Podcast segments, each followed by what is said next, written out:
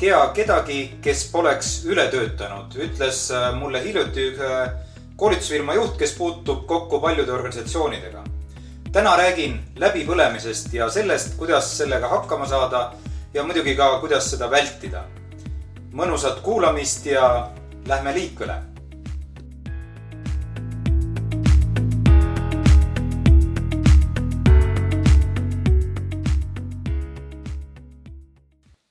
mõni päev tagasi minu coaching ul sõnastas üks juht tabavalt ja selgelt dilemma, mis mulle tundub päris suurel osal äh, meist on aeg-ajalt äh, peast läbi käinud.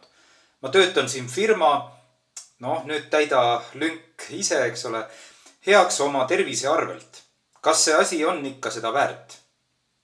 eemalt kõrvalseisja pilguga vaadates on ju vastus üsna lihtne. kindlasti mitte. tervis on ju midagi mida me saame ainult heal juhul taastada. Äh, seda kahjuks juurde enam kunagi ega kusagilt ei saa. kui äh, sellest korralik tükk on läinud, siis noh, on see läinud ja küsimus on, mille nimel? nojah, ja teisalt see, mis kõrvalseisja jaoks on lihtne, on aga pagana keeruline inimese enda jaoks. enne põhjuste ja läbipõlemisega seotud jutu juurde minekut äh, paar sõna sellest, mis asi üldse on läbipõlemine no alustades näiteks sellest, mida ta ei ole. läbipõlemine ei ole tegelikult haigus, ta ei ole äh, depressiooni mingisugune kergem vorm.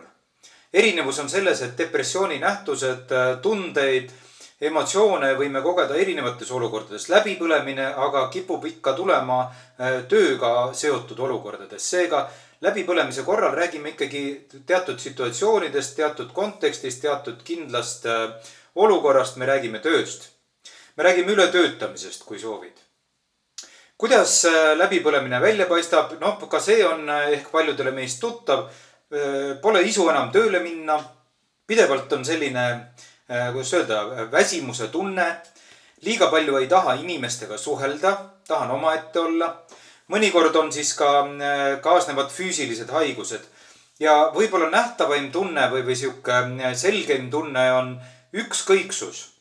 mind ei huvita teiste töö ja tegemised, eks ole, ja mind ei huvita ka minu enda töö ja tegemised.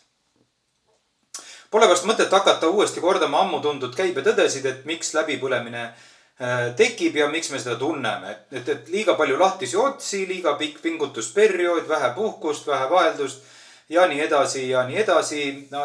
üha parem probleemi nii-öelda diagnoosimine ei vii meid mõnikord lähemale lahendusele siinkohal on äh, vist aga hea siiski märkida, et äh, inimese käitumist äh, mõjutab enim keskkond.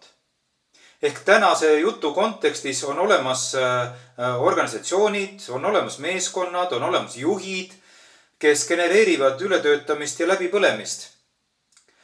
kus need on mingis mõttes siis igapäevase sellise rähklemise kaasnähtused. Kus nii-öelda püsiseisund on pidev tule kustutamine kakskümmend neli seitse töötamise mentaliteet, kus pidevalt peab olema nii-öelda olemas, kohal, valmis tulistama, kus õhtul, öösel, nädalavahetusel töötamine on norm.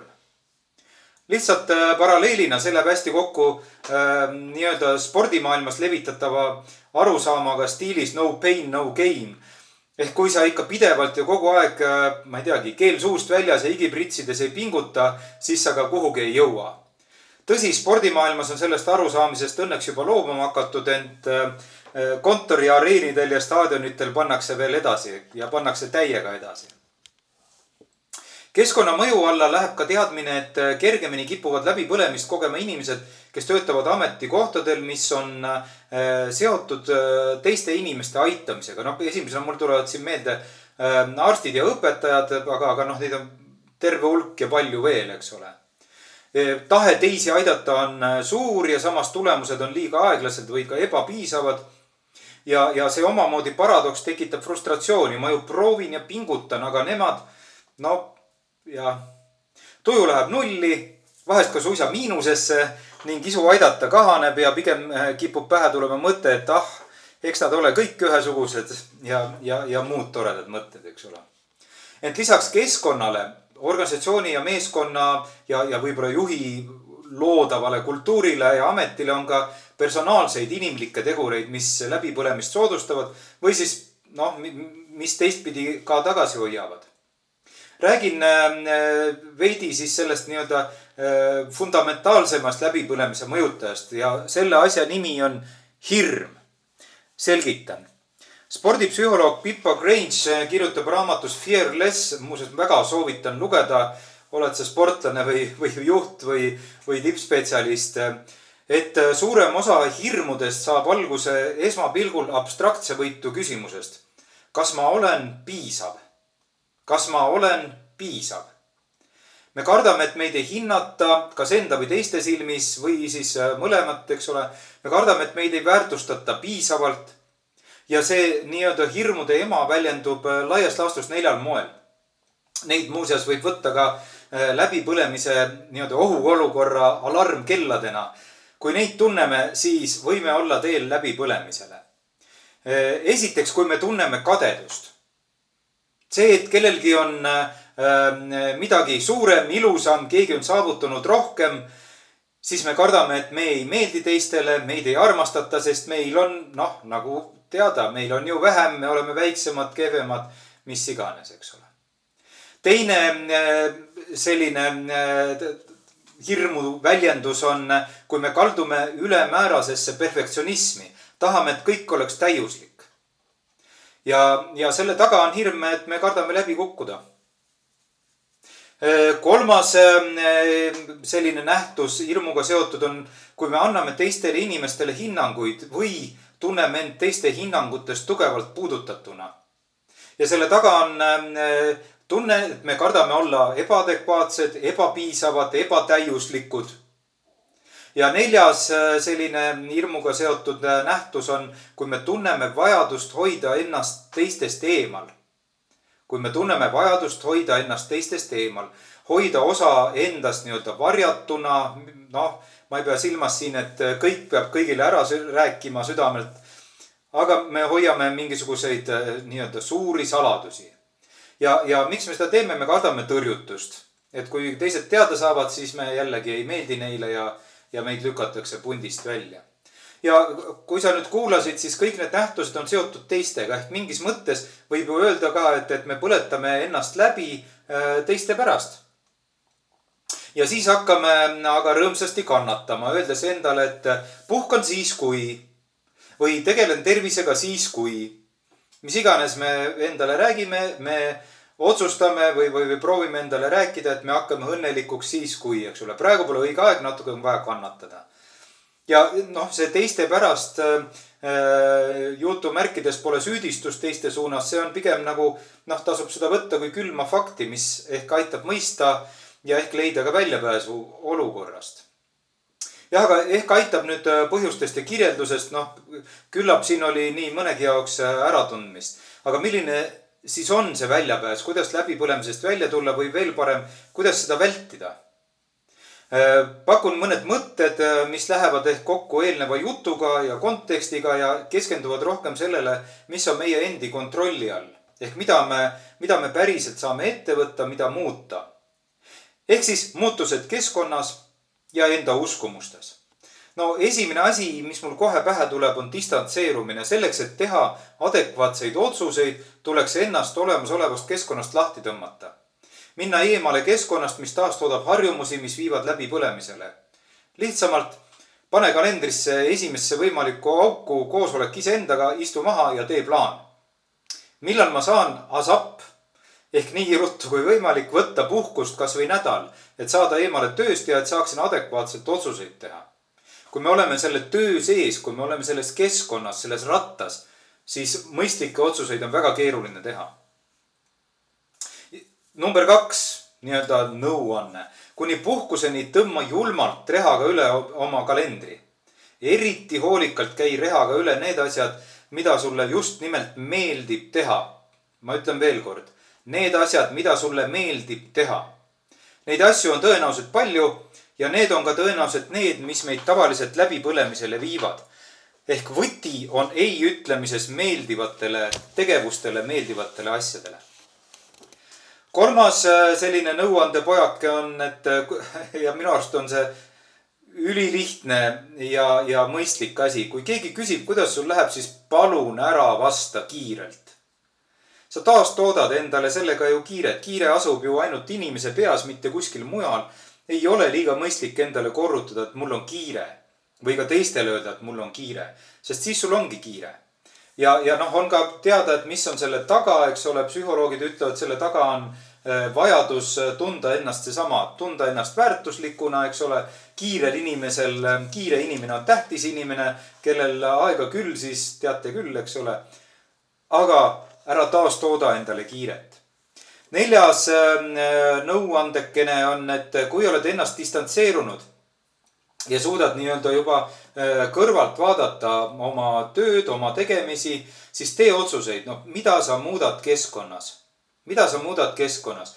vaata ainult neid asju, mis on sinu kontrolli all ja hinda, kas see, mis sa teha saad, on piisav. no miks ma nii ütlen, sellest pole ju kasu, kui sina otsustad teha mitte üle kolme koosoleku päevas või, või tegeleda eh, e-kirjadega ainult X ajal, eks ole. et firma kultuur on selline, et enne ei kuku leht ka puult, kui ei tehta ära üks koosolek ja, ja päevas äh, enne mõtte tekkimist juba saadetakse ära viis meili, eks ole see ei ole sinu kontrolli all äh, muuta teiste inimeste käitumist, eks ole. Ja sinu kontrolli all on sel juhul, noh, ma ei tea, mis siis on, kas vahetada töökohta, teha midagi muud, peab mõtlema. Ähm, viies asi, kui sa neid otsuseid ikkagi nüüd tegema hakkad, siis tee otsuseid endast lähtuvalt. ma tean, et see kõlab veidi egoistlikult ja enesekeskselt, ent äh, tegelikult see seda pole kui sa pole heas vaimses ja füüsilises vormis, siis pole ka tegelikult tööandjal, noh, rääkimata teistest inimestest, sinust suurt kasu, kui niimoodi kõlab koledalt, aga pragmaatiliselt vaadates see ju nii on. hea kontekst otsuse tegemiseks on näiteks äh, seesama, kui me nüüd läheme tagasi selle tänase jutu alguse juurde. ükski töö või saavutus pole väärt minu pikaajalist tervist. ja meeles tasub ka pidada, et minu tervise eest ei vastuta keegi teine peale minu enda ei vastuta keegi teine peale minu enda. järgmine soovitus, paar tükki on veel, kõlab veidi veidralt, eks ole. ei ole mõtet öö, ähm, otsida tasakaalu töö ja eraelu vahel, see on, see on viljatu otsing. olen sellest ka varem rääkinud, aga, aga see igatsus ja otsing selle, selle lõpp, tasakaalu järele on omamoodi ka üks põhjustest, miks me just läbi põleme ja äh, küsimus ei ole tegelikult tasakaalus elu ja töö vahel kui vaadata mis tahes valdkonda, siis ägedaid asju teevad inimesed enamasti selles klassikalises mõttes äh, tasakaalust väljas olles ehk nad ongi, nad ongi kuskile poole kaldu, eks ole. nii et küsimus ei ole tasakaalus, küsimus on pigem rütmis. pingutusele peab järgnema taastumine. Äh, küsimus on vahelduses, taastumises, proovi parem tegeleda rohkem nende tegevustega, mis on sulle tähenduslikud.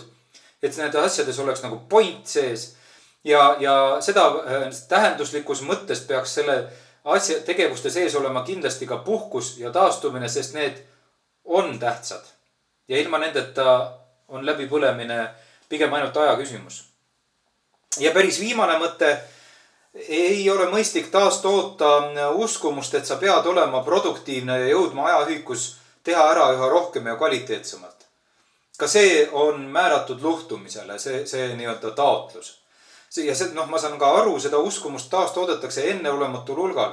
abiks igat sorti uued ajajuhtimise nipid ja trikid ja, ja, ja, ja küll tema ikka jõuab ja, ja kellel on, sellele antakse ja muud vanasõnad sinna takka, eks ole. aga see on kõik illusioon ja hõllandus, me ei, me ei pea olema produktiivsed ja efektiivsed äh, enesearengu kontekstis või, või ka oma elu kontekstis. Need sõnakesed võiks isikliku arengu kontekstis minu arust ka unustada me peaks suutma hoida fookust ja tähelepanu nendel vähestel asjadel, mis on olulised ja suutma öelda ei muudele asjadele. tulen tagasi paar punkti tagasi öeldud juurde, ka meeldivatele asjadele, see on meie nii-öelda arengukoht. meie arengukoht ei ole efektiivsus ja produktiivsus. no vot sedasi siis äh, rääkides läbipõlemisest muuseas, kui see lohutab, siis äh, kergemini põlevad läbi äh, nii-öelda saavutajad, kõrgete ideaalide ja, ja, ja kõrge nõudlikkusega inimesed. seega ära muretse, kui sa tunned ennast äh, ära selles jutus, siis sa oled heas seltskonnas, eks ole. ja ikkagi kehtib ka saavutajatele äh, nagu tegelikult ka kõikide inimeste puhul küsimus, kas praegune tööelu kogu tema ilus sisus ja vormis kaalub üles pikaajalise mõju minu tervisele. Mis on sinu vastus sellele küsimusele? selline jutt siis täna läbipõlemisest. see, eelmised ja järgmised jutud ka kõik olemas Spotify's ja iTunesis. järgmisel korral järgmised jutud. aitäh, et kuulasid ja kuulmiseni